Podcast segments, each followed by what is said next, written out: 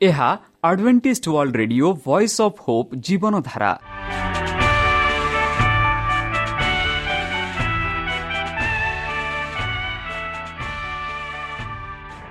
Odia radio କାର୍ଯ୍ୟକ୍ରମ ଯାହା ଆମର ଆନ୍ତର୍ଜାତୀୟ ଆଘାତ କେନ୍ଦ୍ରରୁ ପ୍ରସାରଣ କରାଯାଉଛି ପ୍ରତିଦିନ ରାତି ନଅଟା ତିରିଶ ମିନିଟ୍ରେ। ମୁଁ ସୁବ୍ରତ କୁମାର ପତି ପ୍ରେମର ସହ ଆପଣମାନଙ୍କୁ ଏହି କାର୍ଯ୍ୟକ୍ରମକୁ ସ୍ୱାଗତ କରୁଅଛି। ଚାଲନ୍ତୁ ଆଜିର ତିରିଶ ମିନିଟ୍ର କାର୍ଯ୍ୟକ୍ରମ ବିଷୟରେ ଜାଣିନେବା। ପ୍ରଥମେ ରଖିଛୁ ଆଧ୍ୟାତ୍ମିକ ଭକ୍ତିମୟ ଗୀତ। ଏହାପରେ ଶୁଣିବା ସ୍ୱାସ୍ଥ୍ୟ ବିଷୟରେ ଯାହା ଆମର ଦୈନିକ ଜୀବନରେ ଅତ୍ୟନ୍ତ ଜରୁରୀ। ଆଉ ପରିଶେଷରେ ଶୁଣିବା ପରମେଶ୍ୱରଙ୍କ ଭକ୍ତଙ୍କଠାରୁ ଜୀବନଦାୟକ ଈଶ୍ୱରଙ୍କ ବାକ୍ୟ। ପ୍ରିୟ ଶ୍ରୋତା ତାହେଲେ ଚାଲନ୍ତୁ ଶୁଣିବା ଏକ ଆଧ୍ୟାତ୍ମିକ ଭକ୍ତିମୟ ଗୀତ।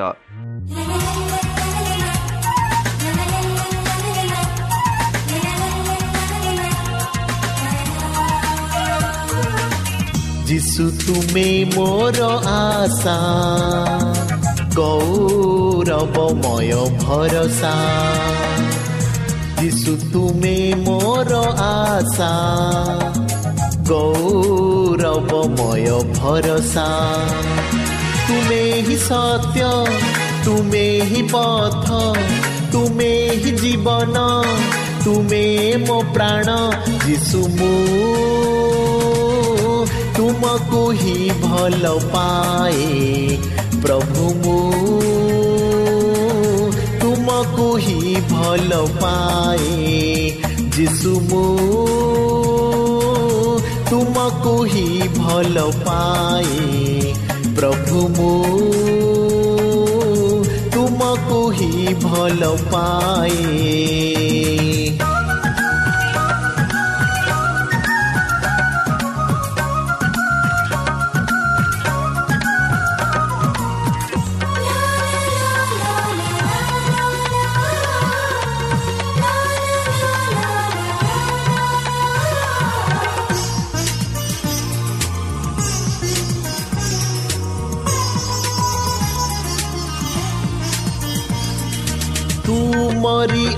অমূল্য রক্ত রহিছি মতে ঘেরি।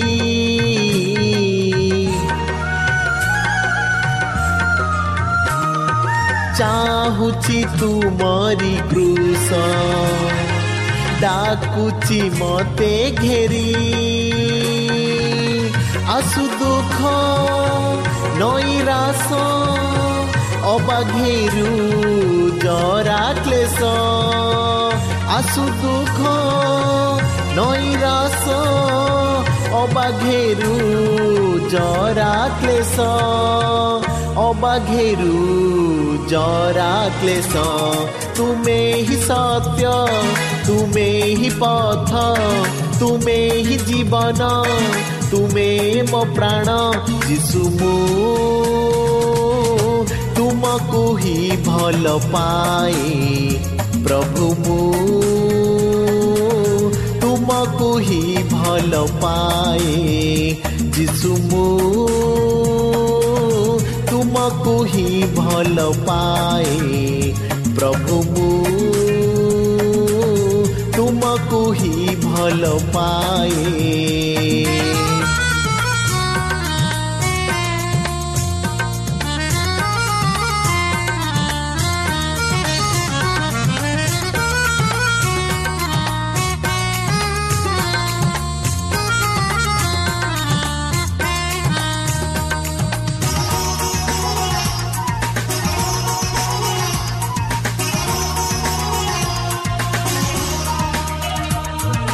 যদি নিন্দা অপমান,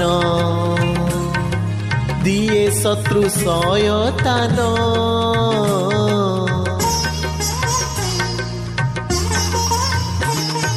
যদি নিন্দা অপমান,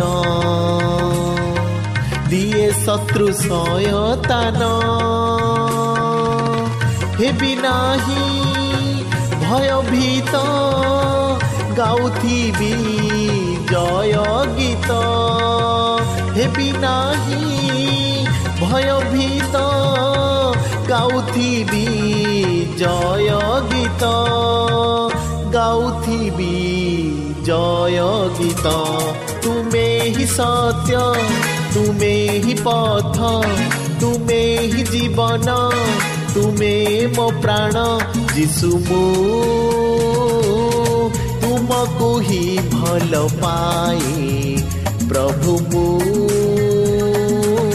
ତୁମକୁ ହିଁ ଭଲ ପାଏ ଯିଶୁ ମୁଁ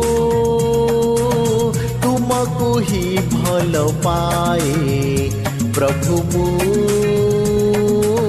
ତୁମକୁ ହିଁ ଭଲ ପାଏ ଯିଶୁ ତୁମେ ମୋର ଆଶା कौराव बमय भरोसा।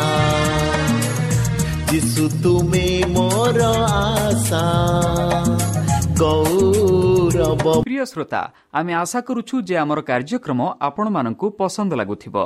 आपनकर मतामत जणाइबा पई हमर एही ठिकणारे जोगाजोग करंतु।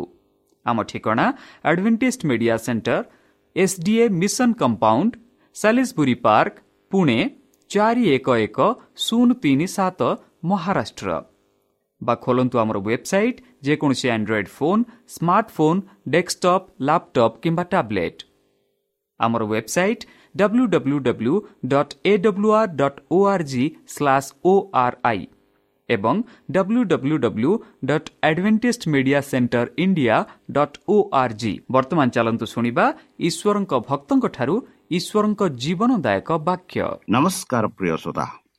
ସେହି ସର୍ବଶକ୍ତି ସର୍ବଜ୍ଞାନୀ ପ୍ରେମର ସାଗର ଦୟାମୟ ଅନ୍ତର୍ଜମୀ ଅନୁଗ୍ରହ ପରମ ପିତାଙ୍କ ମଧୁର ନାମରେ ମୁଁ ପାଷ୍ଟ ପୂର୍ଣ୍ଣଚନ୍ଦ୍ର ଆଉ ଥରେ ଆପଣମାନଙ୍କୁ ଏହି କାର୍ଯ୍ୟକ୍ରମରେ ସ୍ୱାଗତ କରୁଅଛି। ସେହି ସର୍ବଶକ୍ତି ପରମେଶ୍ୱର ଆପଣମାନଙ୍କୁ ଆଶୀର୍ବାଦ କରନ୍ତୁ। ଆପଣଙ୍କୁ ସମସ୍ତ ପ୍ରକାର ଦୁଃଖ କଷ୍ଟ ବାଧା କ୍ଲେଶ ଓ ରୋଗରୁ ଦୂରେଇ ରଖନ୍ତୁ ଶତ୍ରୁ ସୈତାନ ହସ୍ତରୁ ସେ ଆପଣଙ୍କୁ ସୁରକ୍ଷାରେ ରଖନ୍ତୁ ସେହି ପରମେଶ୍ୱର ଆପଣଙ୍କର ସମସ୍ତ ମନୋକାମନା ପୂର୍ଣ୍ଣ କରନ୍ତୁ ତାହାଙ୍କ ପ୍ରେମ ତାହାଙ୍କ ସ୍ନେହ ତାହାଙ୍କ କୃପା ତାହାଙ୍କ ଅନୁଗ୍ରହ ସଦାସର୍ବଦା ଆପଣଙ୍କଠାରେ ସହବର୍ତ୍ତୀ ରହୁ ପ୍ରିୟ ଶ୍ରୋତା ଚାଲନ୍ତୁ ଆଜି ଆମ୍ଭେମାନେ କିଛି ସମୟ ପବିତ୍ର ଶାସ୍ତ୍ର ବାଇବଲଠୁ ତାହାଙ୍କ ଜୀବନଦାୟକ ବାକ୍ୟ ଧ୍ୟାନ କରିବା। ଆଜିର ଆଲୋଚନା ହେଉଛି ଅନୁପ୍ରେରଣା କ'ଣ? ଭାଗ ଏକ। ଯଦି ଆମେ ପ୍ରଥମ କରନ୍ତି ଦୁଇ ଦଶ ଟୁ ଚଉଦ ପଢ଼ିବା ସେଠି ସାଧୁ ପାଉଳ ଏହିପରି ଅନୁପ୍ରେରଣା ବିଷୟରେ ବର୍ଣ୍ଣନା କରି ଲେଖନ୍ତି। ସେ କହନ୍ତି କିନ୍ତୁ ଈଶ୍ୱରମାନଙ୍କ ନିମନ୍ତେ ଆତ୍ମାଙ୍କ ଦ୍ୱାରା ସେ ସମସ୍ତ ପ୍ରକାଶ କରିଅଛନ୍ତି। ଆତ୍ମା ଦ୍ୱାରା ଈଶ୍ୱର ଆମମାନଙ୍କୁ ସମସ୍ତ ଜିନିଷ ପ୍ରକାଶ କରିଅଛନ୍ତି ବୋଲି କହୁଛନ୍ତି। ଯେଣୁ ଆତ୍ମା ସମସ୍ତ ବିଷୟ ହିଁ ଈଶ୍ୱରଙ୍କ ଗଭୀର ବିଷୟ ସବୁ ଅନୁସନ୍ଧାନ କରନ୍ତି। ଈଶ୍ୱରଙ୍କ ଗଭୀର ବିଷୟ ବି ଆତ୍ମା ହିଁ ସେସବୁ ବିଚାରକ ଅନୁସନ୍ଧାନ କରନ୍ତି ବୋଲି ଆମେ ଚଉଦ ପଦ ଦଶ ପଦରେ ପାଉଅଛୁ। ତା ଏଗାର ପଦରେ ଆମେ ଦେଖାଉଛୁ ବନ୍ଧୁ କାରଣ ମନୁଷ୍ୟର ବିଷୟ ସବୁ ମନୁଷ୍ୟଠାରେ ଥିବା ଆତ୍ମା ବିନା ଆଉ କିଏ ଜାଣେ? ସେହିପରି ମଧ୍ୟ ଈଶ୍ୱରଙ୍କ ବିଷୟ ସବୁ ଈଶ୍ୱରଙ୍କ ଆତ୍ମା ବିନା ଆଉ କେହି ଜାଣେ ନାହିଁ। ତାର ବାର ପଦରେ ଆମେ ଦେଖାଉଛୁ ଯେପରି ଈଶ୍ୱରଙ୍କ ଦ୍ୱାରା ଆମମାନଙ୍କୁ ଅନୁଗ୍ରହରେ ଦତ୍ତ ବିଷୟ ଗୁଡ଼ିକ ଆମମାନେ ଜାଣିପାରୁ। ଈଶ୍ୱରଙ୍କ ଦ୍ୱାରା ହିଁ ତାଙ୍କ ଦତ୍ତ ବିଷୟ ଜାଣିପାରୁ। ଏଥିପାଇଁ ଆମେମାନେ ଜଗତର ଆତ୍ମା ନ ପାଇ ଈଶ୍ୱରଙ୍କ ଆତ୍ମା ପାଇପାରୁଅଛୁ। ତେରରେ ଆମେ ଦେଖାଉଛୁ ସେହି ସମସ୍ତ ବିଷୟ ମଧ୍ୟ ଆମେମାନେ ମନୁଷ୍ୟର ଜ୍ଞାନ ଦ୍ୱାରା ଶିକ୍ଷିତ ବାକ୍ୟର କହିନଥାଉ ମନୁଷ୍ୟଙ୍କ ଜ୍ଞାନ ଦ୍ୱାରା ଆମେ ଶିକ୍ଷିତ ବାକ୍ୟ କହିନଥାଉ ବରଂ ମାତ୍ର ଆତ୍ମିକ ବିଷୟ ସବୁ ଆତ୍ମିକ ବିଷୟ ଦ୍ୱାରା ବୁଝାଇ ଆତ୍ମାଙ୍କ ଦ୍ୱାରା ଶିକ୍ଷିତ ବାକ୍ୟର କହିଥାଏ।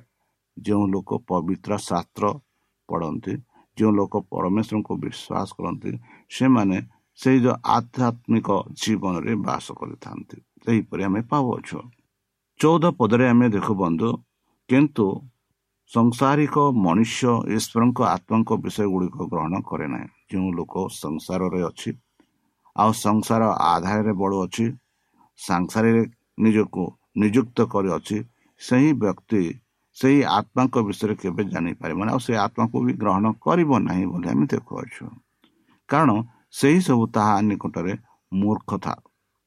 ଆତ୍ମାର କାର୍ଯ୍ୟ ସବୁ ସେହି ବ୍ୟକ୍ତିକୁ ଏକ ମୂର୍ଖତା। ପୁଣି ସେହି ସବୁ ବୁଝିପାରେ ନାହିଁ କାହିଁକି ତାକୁ ଗ୍ରହଣ କରିନାହାନ୍ତି ଏଥିଯୋଗୁଁ ସେହି ବ୍ୟକ୍ତି ସେହି ଆତ୍ମାଙ୍କ କାର୍ଯ୍ୟ ବୁଝିପାରିବେ ନାହିଁ। ତେଣୁ ସେହି ସବୁ ଆତ୍ମିକ ଭାବରେ ବିଚାର କରାଯାଏ। ଯେବେ ବିଚାର ସମୟରେ ଆମେ ଉପସ୍ଥିତ ଥାଉ ସେତେବେଳେ ସେହି ସବୁ ଆଧ୍ୟାତ୍ମିକ ବିଷୟରେ ବିଚାର କରାଯାଏ ବୋଲି ଆମେ ଦେଖୁଅଛୁ ସେହିପରି ଦ୍ୱିତୀୟ ତିମତି ତିନି ଷୋହଳରେ ଆଉ ସତରରେ ଆମେ ଦେଖୁ ସମସ୍ତ ଶାସ୍ତ୍ର ଈଶ୍ୱର ନିଷ୍ପତ୍ତିତ ଏବଂ ଶିକ୍ଷା ଅନୁଯୋଗ ସଂଶୋଧନ ଓ ଧାର୍ମିକତା ସମ୍ବନ୍ଧୀୟ ଶାସନ ନିମନ୍ତେ ଉପକାରୀ ସମସ୍ତ ଶାସ୍ତ୍ର ଆମେ ଯେବେ ସମସ୍ତ ଶାସ୍ତ୍ର କହୁଛୁ ଏହା ନୁହେଁ ଯେ ଅନ୍ୟ ଶାସ୍ତ୍ରରେ ଯାହା ଆମେ ବିଶ୍ୱାସ କରୁଛୁ ବା ଲୋକମାନେ ବିଶ୍ୱାସ କରନ୍ତି ଯେପରି ଆମେ ଦେଖୁ ଅନ୍ୟ ଧର୍ମର ଯେଉଁ ସେମାନଙ୍କ ଧର୍ମଶାସ୍ତ୍ର ଯାହା ସେମାନେ ବୁଝନ୍ତି ବା ଭାବନ୍ତି ତାହା ନୁହେଁ ଆମେ ବିଶେଷ ଭାବରେ ଆମେ ଦେଖୁଅଛୁ କି ଏଇ ଯେଉଁ ପବିତ୍ର ଶାସ୍ତ୍ର ବାଇବଲ ମାନଙ୍କୁ ଆସିଅଛି ଏହା ମନୁଷ୍ୟମାନଙ୍କ ଦ୍ୱାରା ଆସିନାହିଁ। ଯେହେତୁ ଆମେ ଦ୍ୱିତୀୟ ତିମତି ତିନି ଷୋହଳରେ ଆମେ ଦେଖୁଅଛୁ ଏହି ଶାସ୍ତ୍ର କିପରି ଆସୁଛି ଈଶ୍ୱରଙ୍କ ନିଷ୍ପତ୍ତିତ ମାନେ ଈଶ୍ୱରଙ୍କ ବାକ୍ୟ ଆସି ନିଷ୍ପର ଯାହା କହିଲେ ତାହା ଲେଖା ଅଛି ମନୋଭାବରେ ଲେଖାଯାଏନି କାହିଁକି ଏଇ ଯେଉଁ ଏଇ ଯେଉଁ ଈଶ୍ୱରଙ୍କ ନିଷ୍ପତ୍ତ ଶାସ୍ତ୍ର ଆମମାନଙ୍କୁ ଏକ ଅନୁଯୋଗ କରେ। ପ୍ରଥମରେ ଶିକ୍ଷା ଦିଏ ଦ୍ୱିତୀୟରେ ଅନୁଯୋଗ କରେ ତୃତୀୟରେ ସଂଶୋଧନ କରେ ଓ ଚତୁର୍ଥରେ ଏମାନଙ୍କୁ ଧାର୍ମିକତା ସମ୍ବନ୍ଧୀୟରେ ଶାସନ କରେ। ଆଉ ତାହା ବିଷୟରେ ଯେପରି ଆମେ ତାହା ସବୁ ଉପକାରିକା ହୋଇପାରିବ ତାହା ବିଷୟ ଆମକୁ ବୁଝାଇ କରେ ସେହିପରି ସତର ପଦରେ ଆମେ ଦେଖିବା ଯେପରି ଈଶ୍ୱରଙ୍କ ଲୋକ ସିଦ୍ଧ ହୋଇ ସମସ୍ତ ଉତ୍ତମ କାର୍ଯ୍ୟ ନିମନ୍ତେ ସୁଯୋଜିତ ହୁଏ ଈଶ୍ୱର ଈଶ୍ୱରଙ୍କ ଲୋକ ସମସ୍ତ କାର୍ଯ୍ୟ ଯେପରି ଆମେ ଦେଖିଲୁ ସମସ୍ତ ଶାସ୍ତ୍ର ଈଶ୍ୱର ନିଷ୍ପତ୍ତିତ ଏବଂ ଶିକ୍ଷା ଅନୁଯୋଗ ସଂଶୋଧନ ଓ ଧାର୍ମିକତା ଏଇ ଯେଉଁ ସମସ୍ତ ଉତ୍ତମ କାର୍ଯ୍ୟ ନିମନ୍ତେ ଯେପରି ସେମାନେ ପ୍ରସ୍ତୁତ ହୋଇପାରିବେ। ଦ୍ୱିତୀୟ ପିତର ଏକ ଅନିଷ୍ଟ ଏକୋଇଶରେ ଆମେ ପାଉଛୁ ଅନିଶରେ ପାଉଛୁ ଏଥିରେ ଭାବବାଣୀ ଆମମାନଙ୍କ ନିକଟରେ ଅଧିକ ଦୃଢ଼ ହୋଇଅଛି। ତୁମେମାନେ ତାହା ଅନ୍ଧକାରମୟ ସ୍ଥାନରେ ପ୍ରଜ୍ୱଳିତ ହେଉଥିବା ପ୍ରଦୀପ ସଦୃଶ୍ୟ ମନେ କରି ରାତି ପ୍ରାହାନ୍ତା ନ ହେବା ପର୍ଯ୍ୟନ୍ତ ଓ ତୁମମାନଙ୍କ ହୃଦୟରେ ପ୍ରଭାବ ତାରା ଉତ୍ଥିତ ନ ହେବା ପର୍ଯ୍ୟନ୍ତ ତାହା ପ୍ରତି ମନୋଯୋଗ କଲେ ଭଲ ହେବ। ପ୍ରଭାତ ତାରା ମାନେ ସକାଳ ସନ୍ଧ୍ୟା ଈଶ୍ୱରଙ୍କ ବାକ୍ୟ ତାଙ୍କ ବାଣୀ ବିଷୟରେ ମନୋଯୋଗ ଦେବାକୁ ପଡ଼ିବ। ଯେପରି ସେହିପରି କୋଡ଼ିଏ ପଦରେ ଆମେ ପାଉଛୁ ବନ୍ଧୁ ପ୍ରଥମେ ଏହା ଜ୍ଞାତ ହୁଅ ଯେ ଶାସ୍ତ୍ରର କୌଣସି ଭାବବାଣୀ ସ୍ୱତନ୍ତ୍ର ଭାବରେ ବ୍ୟାଖ୍ୟା କରିବାର ବିଷୟ ନୁହେଁ। ପବିତ୍ର ଶାସ୍ତ୍ର ବାଇବଲରେ ଆମେ ଛଅଷଠି ପୁସ୍ତକ ପାଉଅଛୁ। ଆଉ ସେଇ ଛଅଷଠି ପୁସ୍ତକ ହେଉଛି ଆରମ୍ଭ ହେଉଛି ଆଦି ଶେଷ ହେଉଛି ପ୍ରକାଶିତ। ଆଉ ଯେ ଏଇ ଯେଉଁ ଛଅଷଠି ପୁସ୍ତକ ଆମମାନଙ୍କୁ କୌଣସି ଭାବବାଣୀ ସ୍ୱତନ୍ତ୍ର ଭାବରେ ବ୍ୟାଖ୍ୟା କରିବାର ବିଷୟ ନୁହେଁ। କାରଣ କୌଣସି ଭାବବାଣୀ କେବେ ମନୁଷ୍ୟର ଇଚ୍ଛା ଉତ୍ପନ୍ନ ହୋଇନାହିଁ। ଯାହା ଆମେ ଭାବବାଣୀ ବିଷୟରେ ବିଚାର କରୁଛୁ ସେସବୁ ମଣିଷ ଇଚ୍ଛାରେ ଉତ୍ପନ୍ନ ହୋଇନାହିଁ ମାନେ ମଣିଷ ଭାବି ତାହା ଲେଖି ନାହାନ୍ତି କି ଏହିପରି ଘଟି ଅଛି ଏହିପରି ଘଟିବା କଳ୍ପନା ନ କରି ଲେଖି ଯାହା ଈଶ୍ୱର ସେମାନଙ୍କୁ କହିଲେ ତାହା ସେମାନେ ଲେଖିଛନ୍ତି।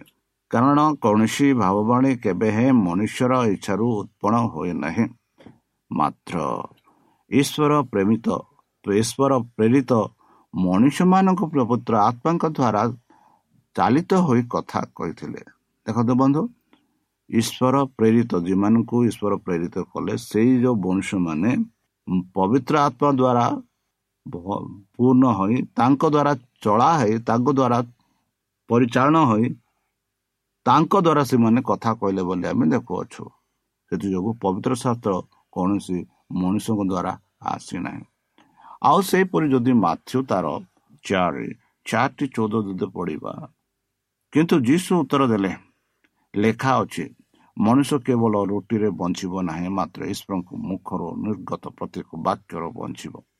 ବନ୍ଧୁ ଯେବେ ଯୀଶୁ ପ୍ରଭୁ ସେଇ ଚାଳିଶ ଦିନ ଚାଳିଶ ରାତି ଉପାସ ରହିଲେ ଆଉ ଯେବେ ଯୀଶୁ ପ୍ରଭୁ ଏତେ ଭୋକିଲା ଥିଲେ ସେତେବେଳେ ସୈତାନ ଆସି ଯୀଶୁ ପ୍ରଭୁକୁ କହିଲେ ଯଦି ତୁମେ ଈଶ୍ୱରଙ୍କ ପୁତ୍ର ଏଇ ଏଇ ପଥରକୁ ତୁମେ ଆଦେଶ ଦିଅ ଯେପରି ସେ ପଥର ଏକ ରୁଟି ହେବ ଆଉ ତୁମେ ଖାଇବ। ମାତ୍ର ଯୀଶୁ ଏହିପରି ଉତ୍ତର ଦେଲେ ଏହି ସେ ଉତ୍ତର ହେଉଛି ମନୁଷ୍ୟ ମାତ୍ର ଈଶ୍ୱରଙ୍କ ମୁଖରୁ ନିର୍ଗତ ପ୍ରତ୍ୟେକ ବାକ୍ୟରେ ସେ ବଞ୍ଚିବ। ମଣିଷ ରୁଟି ଦ୍ୱାରା ନୁହଁ।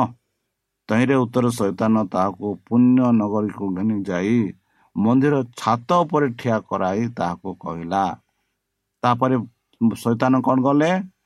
ସୈତାନ ଯୀଶୁଖ୍ରୀଷ୍ଟଙ୍କୁ ମନ୍ଦିରର ଛାତ ଉପରକୁ ନେଇଗଲେ ଆଉ ସେଠି ଠିଆ କରାଇଲେ। ଆଉ କହିଲେ ଏହିପରି ତୁମେ ଯେବେ ଈଶ୍ୱରଙ୍କ ପୁତ୍ର ତେବେ ତଳକୁ ଡେଇଁ ପଡ଼। କାରଣ ଲେଖା ଅଛି ଯେ ସେ ଆପଣା ଦୂତମାନଙ୍କୁ ତୁମ ବିଷୟରେ ଆଜ୍ଞା ଦେବେ। ଆଉ କାଳେ ତୁମ ପାଦ ପଥରରେ ବାଜିବ ଏଥିପାଇଁ ସେମାନେ ତୁମକୁ ହସ୍ତରେ ତୋଳି ଧରିବେ। ଦେଖନ୍ତୁ ବନ୍ଧୁ ତେବେ ଯୀଶୁ ପ୍ରଭୁ ଏହିପରି ଉତ୍ତର ଦେଲେ ଯୀଶୁ ତାଙ୍କୁ କହିଲେ ଆହୁରି ଲେଖା ଅଛି ତୁମେ ପ୍ରଭୁ ଆପଣା ଈଶ୍ୱରଙ୍କୁ ପରୀକ୍ଷା କରିବ ନାହିଁ। ଆମେ ଈଶ୍ୱରଙ୍କୁ କେବେ ପରୀକ୍ଷା କରିବାକୁ ନାହିଁ ଯେହେତୁ ଈଶ୍ୱର ପୁନଶ୍ଚ ସହିତାନ ତାହାକୁ ଗୋଟିଏ ଅତି ଉଚ୍ଚ ପର୍ବତ ଉପରକୁ ଘେନି ଯାଇ ଜଗତର ସମସ୍ତ ରାଜ୍ୟ ସବୁରୁ ସେ ସବୁର ଐଶ୍ୱର୍ଯ୍ୟ ଦେଖାଇ କହିଲା ତୁମେ ଯେବେ ଆମକୁ ଭୂମିଷ୍ଠ ପ୍ରମାଣ କରିବ ତେବେ ଆମେ ଏହି ସମସ୍ତ ତୁମକୁ ଦେବା। ବନ୍ଧୁ ଯୀଶୁ ଏହିପରି ଉତ୍ତର ଦେଲେ ତହିଁରେ ଯୀଶୁ ତାହାକୁ କହିଲେ ଧୂର ହୋ ସୈତାନ କାରଣ ଲେଖା ଅଛି ତୁମେ ପ୍ରଭୁ ଆପଣା ଈଶ୍ୱରଙ୍କୁ ପ୍ରମାଣ କରିବ। ପୁଣି କେବଳ ତାଙ୍କର ଉପାସନା କରିବ ଶୈତାନର ନୁହଁ। ଆଉ ଯୀଶୁ କଲେ ଶୈତାନ ଦୂର ହୁଅ। ଏଥିରେ ଶୈତାନ ତାହାକୁ ଛାଡ଼ି ଚାଲିଗଲା। ଆଉ ଦେଖ ଦୂତମାନେ ଆସି ତାହାଙ୍କର ସେବା କରିବାକୁ ଲାଗିଲେ। ଯୀଶୁଙ୍କ ସେବା କାର୍ଯ୍ୟ ଆରମ୍ଭ ପରେ ଜହନ ଧରା ପଡ଼ିଲେନି ବୋଲି ଶୁଣି ସେ ଅନ୍ତର ହୋଇ ଗାଲିଲିକୁ ପ୍ରସ୍ଥାନ କଲେ। ଆଉ ସେ ନାଜିତ ପରିତ୍ୟାଗ କରି ସବୁଲୁଣ ଓ ନାତପାଲି ଅଞ୍ଚଳରେ ଥିବା ସମୁଦ୍ର କୂଳସ୍ଥିତ କପନହୁମକୁ ଯାଇ ସେଠାରେ ବାସ କଲେ। ଯେପରି ଜିସାୟ ଭାବବାଦୀ ଦ୍ୱାରା ଉକ୍ତ ଏହି ବାକ୍ୟ ସଫଳ ହୁଏ। ବନ୍ଧୁ ଯେପରି ପବିତ୍ର ଶାସ୍ତ୍ର ମାନଙ୍କୁ ଏହିପରି ବୁଝାଇ କହୁଛି କି ପବିତ୍ର ଶାସ୍ତ୍ର କିପରି ଆସିଲା?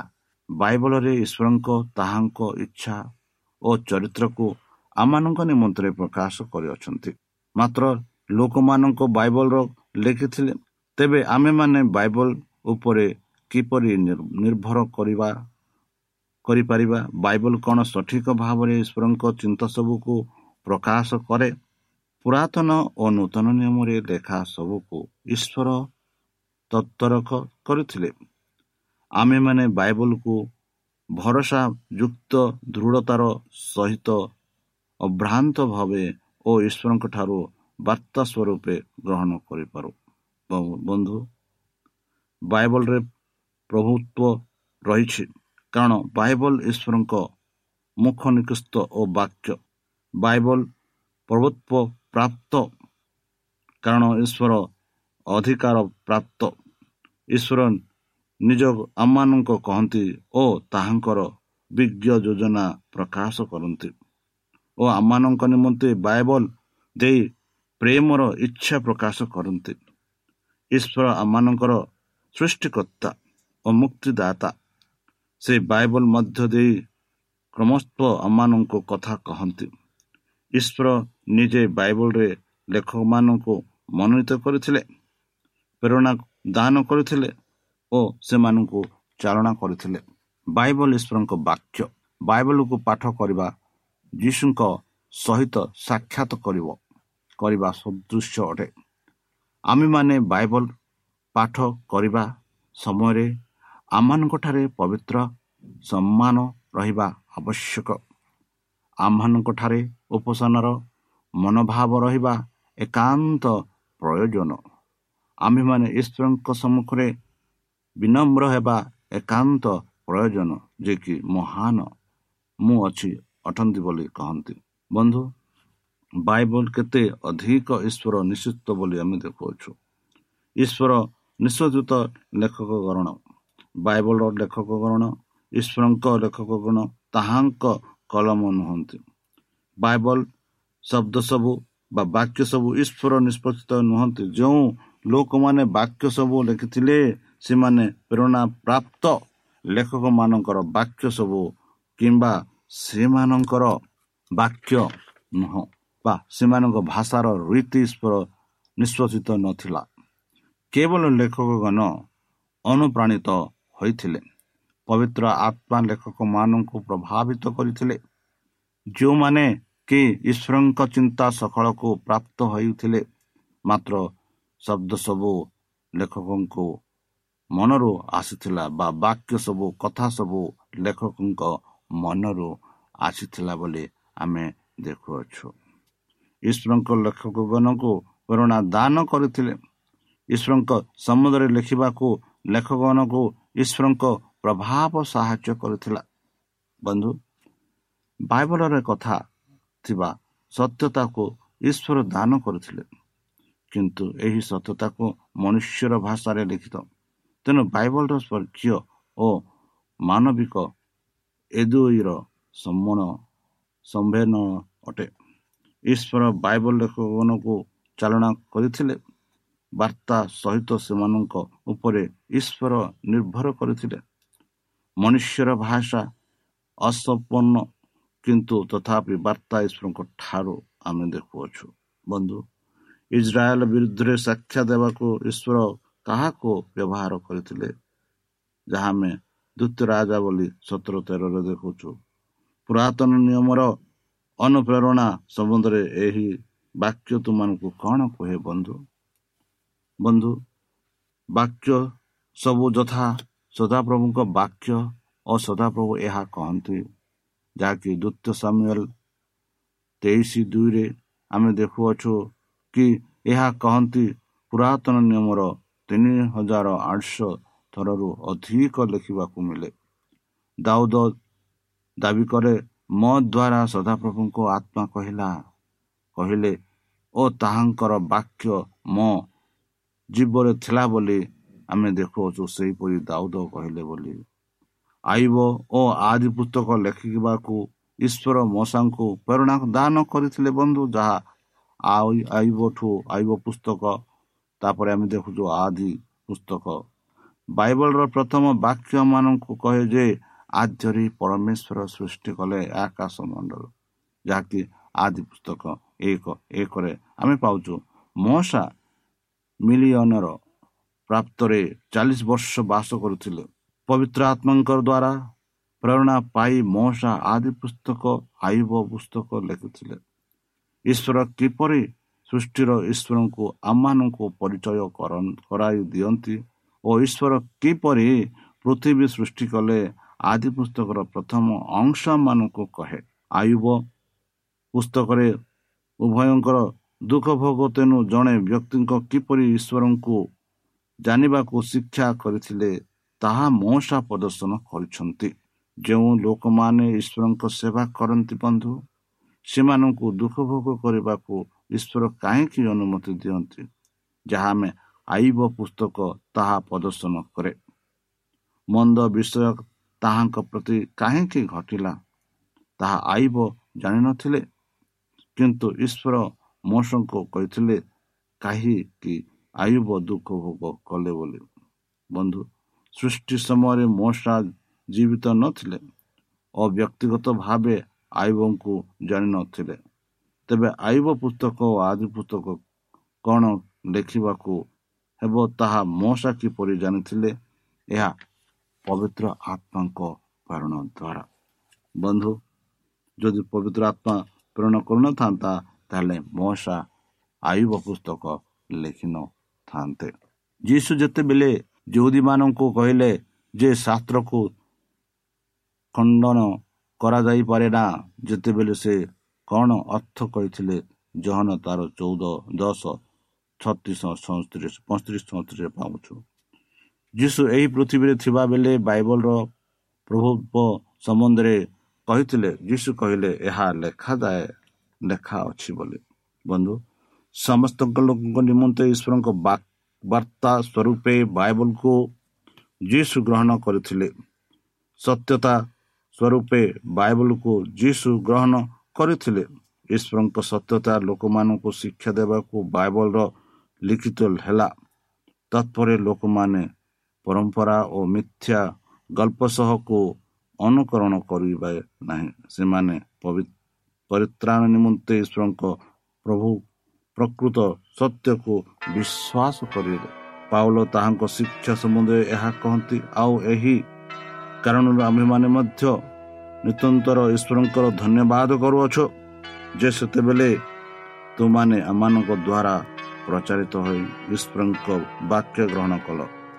ସେତେବେଳେ ତାହା ମନୁଷ୍ୟର ବାକ୍ୟ ସ୍ୱରୂପେ ଗ୍ରହଣ ନ କରି ବରଂ ଈଶ୍ୱରଙ୍କ ବାକ୍ୟ ସ୍ୱରୂପେ ଗ୍ରହଣ କରିଥିଲେ। ଏହିପରି ଆମେ ପ୍ରଥମ ଚାଷଲଣୀ ଦୁଇ ତେରରେ ଆମେ ପାଉଅଛୁ ବନ୍ଧୁ ସେହି ଯୀଶୁଖ୍ରୀଷ୍ଟ ଯିଏକି ଆମମାନଙ୍କ ପାଇଁ ସେହି କୃଷରେ ହତ ହେଲେ ଏହା ପବିତ୍ର ଶାସ୍ତ୍ରରେ ଆମେ ପାଉଅଛୁ ତାହେଲେ ଚାଲନ୍ତୁ ସେହି ଯୀଶୁଖ୍ରୀଷ୍ଟଙ୍କର ନାମେ ନିଜକୁ ସମର୍ପଣ କରି ତାହାଙ୍କ ମଧ୍ୟରୁ ନାମେ ଆମେ ପ୍ରାର୍ଥନା ଉତ୍ସର୍ଗ କରିବା। ହେ ଆମ୍ଭମାନଙ୍କ ସର୍ବଶକ୍ତି ସର୍ବଜ୍ଞାନୀ ପ୍ରେମର ସାଗର ଦୟାମୟ ଅନ୍ତର୍ଜମୀ ଅନୁଗ୍ରହ ପରମ ପିତା ଧନ୍ୟବାଦ ଅର୍ପଣ କରୁଛୁ ପ୍ରଭୁ ବର୍ତ୍ତମାନ ଯେଉଁ ବାକ୍ୟ ତୁମ ଭକ୍ତମାନଙ୍କୁ ଶୁଣାଇଲେ ସେହି ବାକ୍ୟ ଅନୁସାରେ ଏମାନଙ୍କୁ ଚାଲିବା ପାଇଁ ବୁଦ୍ଧିରେ ଜ୍ଞାନରେ ଶକ୍ତିରେ ପରିପୂର୍ଣ୍ଣ କର ଆମ ପାପ ସବୁ ତୁମ ସେହି ବହୁମୂଲ୍ୟ ରକ୍ତରେ ପରିଷ୍କାର ରୂପେ ଧରି ଦିଅ ପରିଶେଷ ଯେବେ ତୁମେ ତୁମ ସେହି ସହସ୍ର ଦୂତଙ୍କ ସହ ଆସିବେ ସେତେବେଳେ ଆମମାନଙ୍କୁ ଏକ ବାସସ୍ଥାନ ଦିଅ ବୋଲି ତ୍ରାଣକର୍ତ୍ତା ପ୍ରଭୁ ଯୀଶୁଙ୍କ ମଧୁରମୟ ନାମରେ ଏହି ଛୋଟ ବିକ୍ଷମ ଅଛି ସେମିତି ଗ୍ରହଣ କର ଆମେ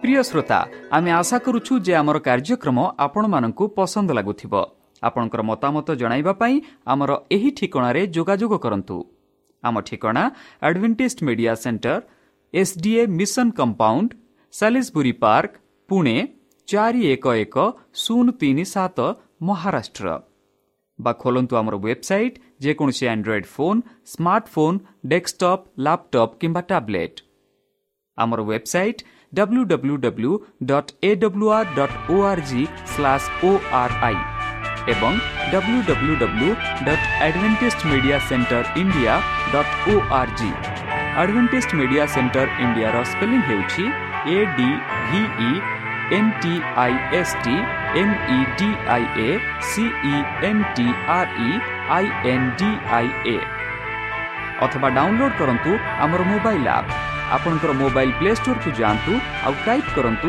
ଦ ଭଏସ୍ ଅଫ୍ ପୋପ୍ ଆଉ ଡାଉନଲୋଡ୍ କରନ୍ତୁ। ଈଶ୍ୱର ଆପଣଙ୍କୁ ଆଶୀର୍ବାଦ କରନ୍ତୁ। ଧନ୍ୟବାଦ।